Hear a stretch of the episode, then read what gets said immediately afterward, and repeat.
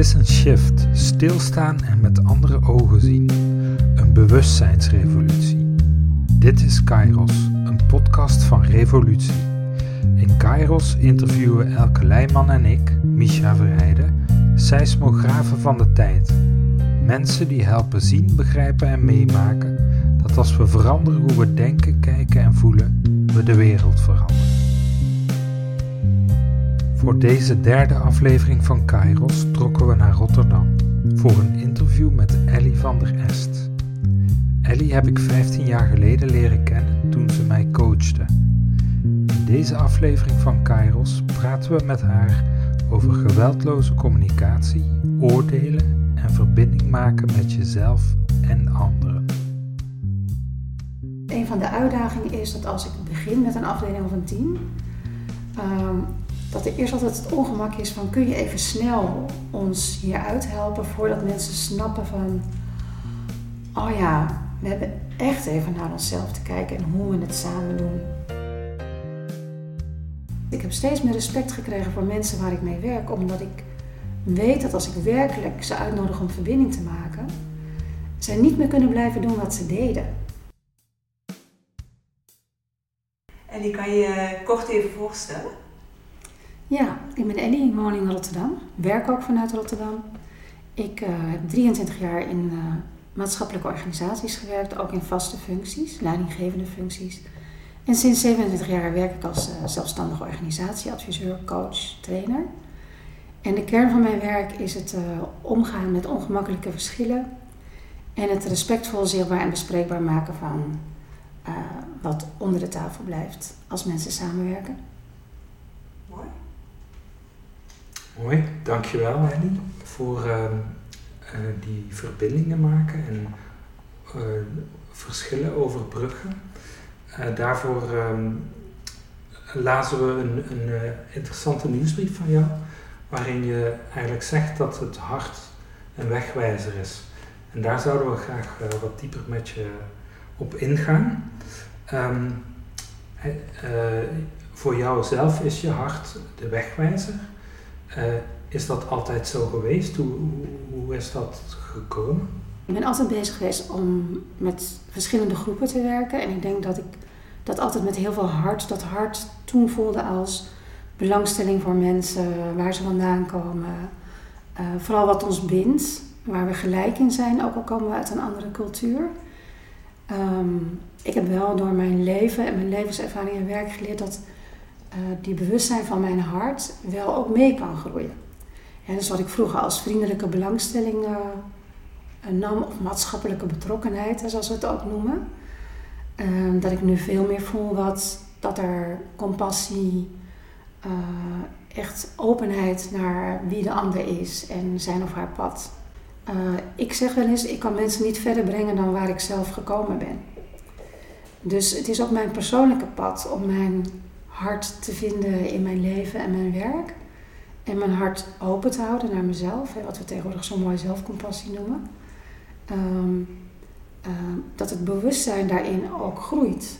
En doordat ik groei in mijn eigen leven, groei, krijg ik ook de klanten, de vragen die daarbij passen en kan ik me weer ontwikkelen. En ik denk dat voor mij de, de, de grote stap wel geweest is dat ik in aanraking kwam met geweldloze communicatie. Een stagiaire van mij gaf mij het basisboek van Marcel Rosenberg.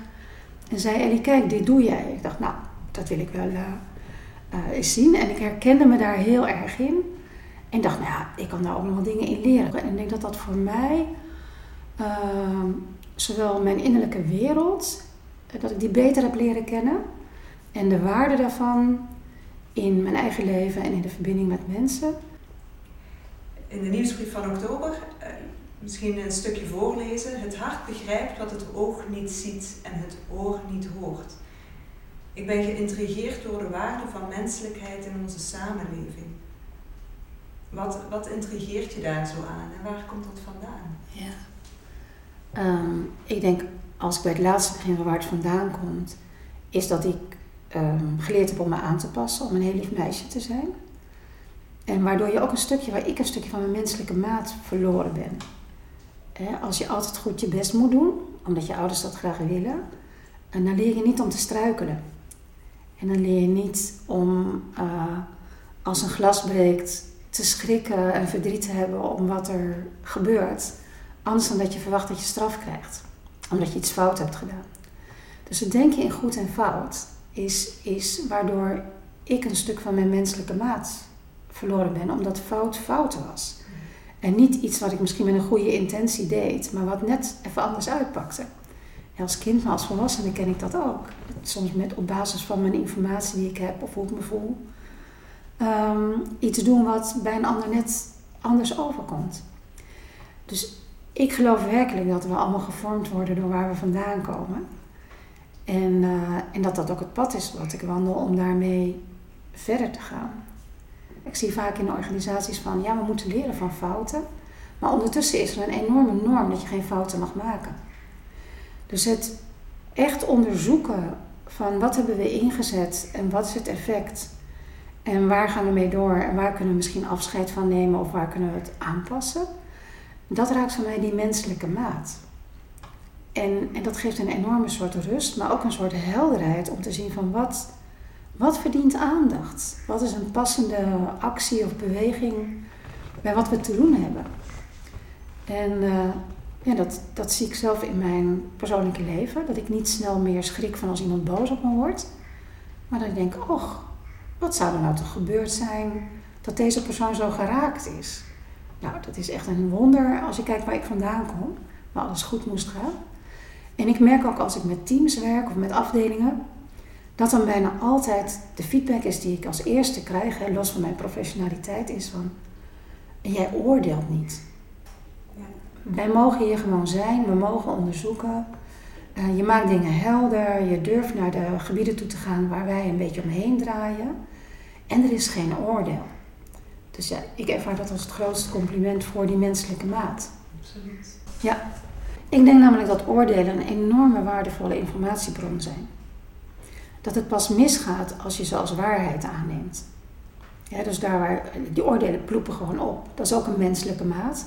We hebben allemaal wel een oordeel over onszelf of over een ander als we ongemak ervaren of uh, het gewoon even niet zo lekker gaat. Want een oordeel is altijd een informatie over wat er geraakt is in jou. dus als je een oordeel over jezelf hebt, dan, dan is er blijkbaar als het een negatief oordeel is, is iets wat je eigenlijk waar je behoefte aan hebt, maar waar je nog niet bewust van bent. Dus ik heb eigenlijk als een soort uh, vast onderdeel in mijn uh, sessies, heb ik een oefening die ik noem oordelen afbellen. Dus dan nodig ik mensen uit om drie oordelen over zichzelf op te schrijven. En drie oordelen over de ander. Bijvoorbeeld de, de collega of mijn partner of mijn buurvrouw.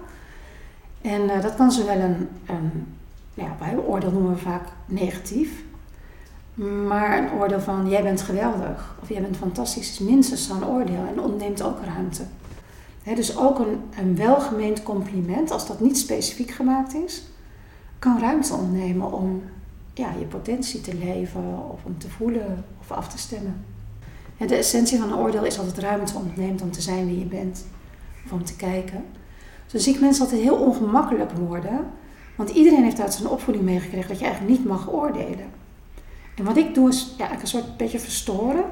Door ze uit te nodigen van, goh, laat me nou eens even die oordelen. En weet, ik ga straks vragen om ze hardop op te, om te noemen. En ik merk altijd als we zo die rondjes doen met oordelen, dat iedereen denkt, ah, oh ja, die heb ik ook. Oh, die herken ik ook. Ja, oh, oh ja, goh. En het brengt heel veel levendigheid.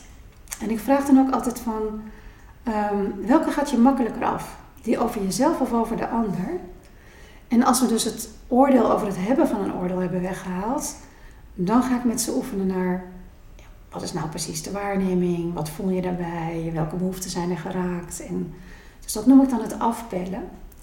En uh, waardoor mensen ook bij een informatiebron komen voor, voor contact, hè? het verbinding in zichzelf kunnen maken, van wat leeft er in me, maar ook de verbinding met anderen. Dus ik, ik ben eigenlijk heel erg van oordelen gaan houden, behalve als als een etiketje op iemands voorhoofd geplakt worden. Dan, uh, dan gaat het mis. Um, ja, je, je vertelde straks dat we uh, allemaal, of vrijwel allemaal, wel leren dat, dat we niet mogen oordelen, maar dat we dat eigenlijk van nature gewoon doen. Maar we leren niet uh, dat je dat oordelen eigenlijk mag verwelkomen. Dat je dat, dat informatie bevat waar je iets mee kan doen. En dat een, een, een soort spiegel voor had. Ehm, maar klopt mijn idee dan dat ehm, veel van die eh, conflicten en verbroken verbindingen waar jij rond werkt, ongemakkelijke situaties, dat dat eigenlijk vaak op oordelen neerkomt? Ja, je hebt gelijk in.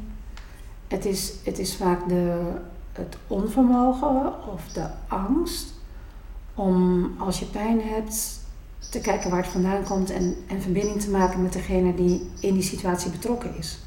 Ja, zoals ik ook in de nieuwsbrief zei, het is wel makkelijk om te zeggen dat jij de schuld bent van mijn ongelukkige gevoel.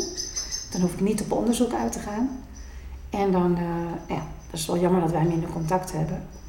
Uh, en dat kan soms in kleine situaties, maar als dat stapelt, dan gaat het echt ten koste van de relatie, maar ook van het werk waar je samen voor staat. En het vermindert het onderzoeksvermogen. Hè, want we gaan stigmatiseren.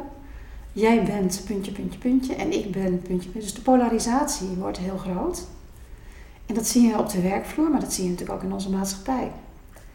Dat we mensen die anders zijn of anders zich anders uiten, uh, veroordelen. Terwijl wat ik heel erg geleerd heb is uh, dat overal op de wereld hebben mensen behoefte aan nabijheid en aan erkenning en aan plezier en aan voeding en veiligheid. Dat is universeel. Dus voor mij is het echt op ja, bewust blijven van uh, zie je iemands gezicht vertrekken, zie je uh, verandert er iets in het contact. Het zijn vaak die hele kleine dingen die we wel voelen, maar niet de tijd nemen om daar bewust van te worden en dan de moed hebben met een D om er iets mee te gaan doen. Dus A, wat je net zei, we leren het niet. Ik, ik zou willen dat alle basisscholen, alle kinderen opgevoed zouden worden met geweldloze communicatie. Uh, en als we het geleerd hebben, is er altijd nog de spanning van durf ik dat risico te nemen? Wat is het risico voor mij als ik dit bespreekbaar ga maken? He, wat brengt ten koste een gesprek mij? Dus dat is zowel privé als in het werk. Ik dacht altijd van uh, geweldloze communicatie uh, ook begrepen te hebben dat het gaat om oordeelloos te communiceren. Maar uh, als ik je nu zo hoor, dan gaat het ook over um, wat je doet met communicatie die tot je komt. Dus bijvoorbeeld ook gewelddadige communicatie. Absoluut. Ik denk dat een groot deel van de mensen gewelddadig communiceert. Ook naar zichzelf toe. We zijn heel streng voor onszelf. En um, als ik bijvoorbeeld kijk naar, naar. Ik ben heel erg bezig met het thema angst. Zo, ben een tweede boek aan het schrijven over de plek achter de angst.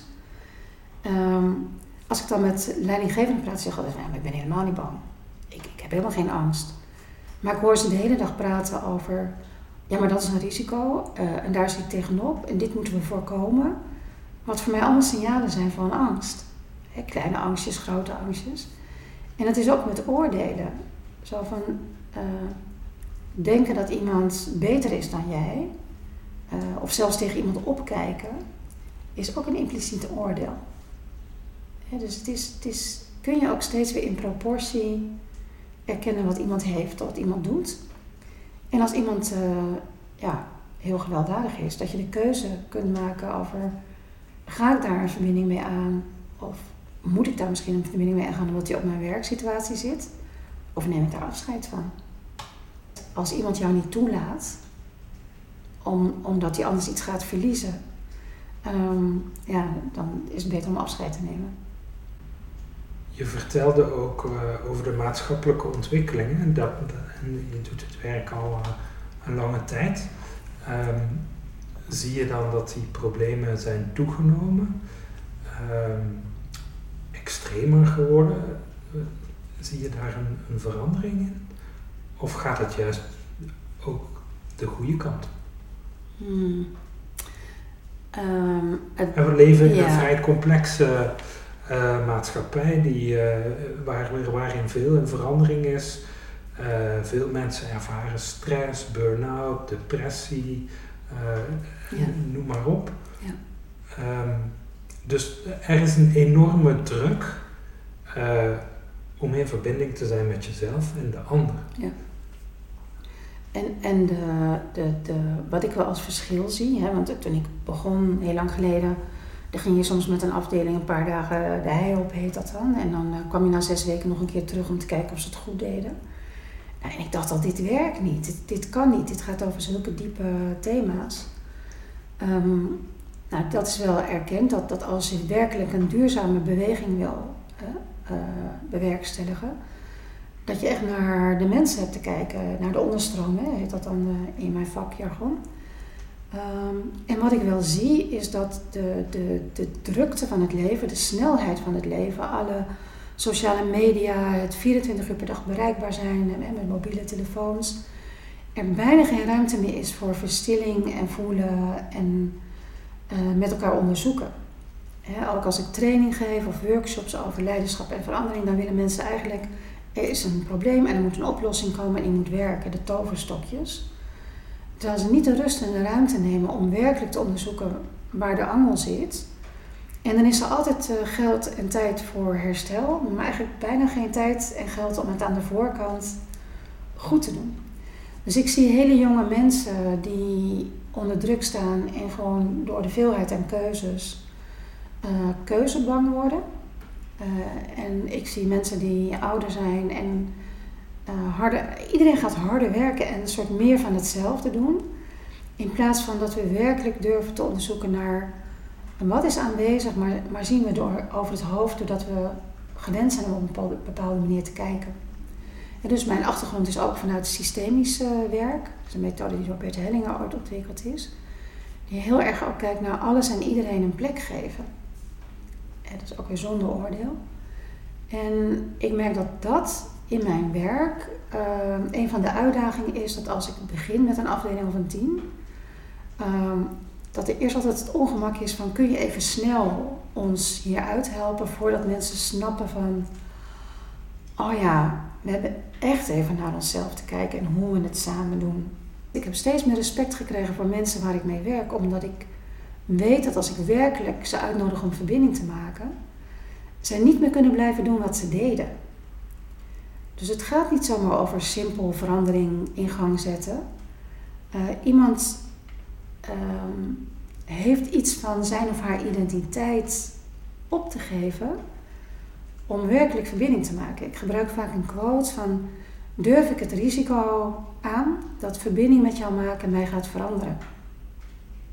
En ken niet heel veel mensen die daar gewoon zo helemaal gelijk ja op zeggen. Wat ik ook gezond vind om te voelen van wat kost het me als ik werkelijk open verbinding met jou aanga. Ik, ik, ik ben gespecialiseerd in beweging genereren. In ik vind verandering voelen mensen vaak als opgelegd. Dat ik denk, ja, als je ochtends opstaat, ben je s'avonds niet meer hetzelfde als je de hele dag geleefd hebt. Dus we zijn altijd in beweging. Zou je dat ook kunnen uitvergroten nou, op maatschappijniveau? Ik vermoed van wel. Ik moet eerlijk zeggen, als ik naar de dynamieken van de wereld kijk, um, dan doet mijn hart enorm pijn. En heb ik soms de neiging om te denken, ik ga naar bed en ik trek dekbed over mijn hoofd heen, want het is veel te groot. Dit gaat echt de goede kant niet op. En wat me dan helpt is om te voelen van, oh maar op mijn vierkante meter kan ik verschil maken.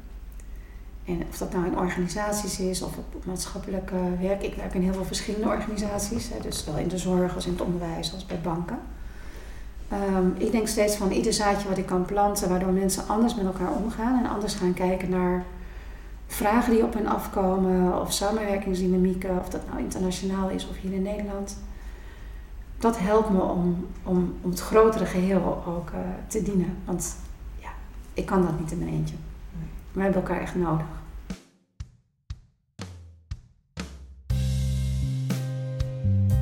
Dit was het interview met Ellie van der Est. Bedankt voor het luisteren en graag tot de volgende keer. Kairos is een podcast van Revolutie. Meer info vind je op onze website r-evolutie.be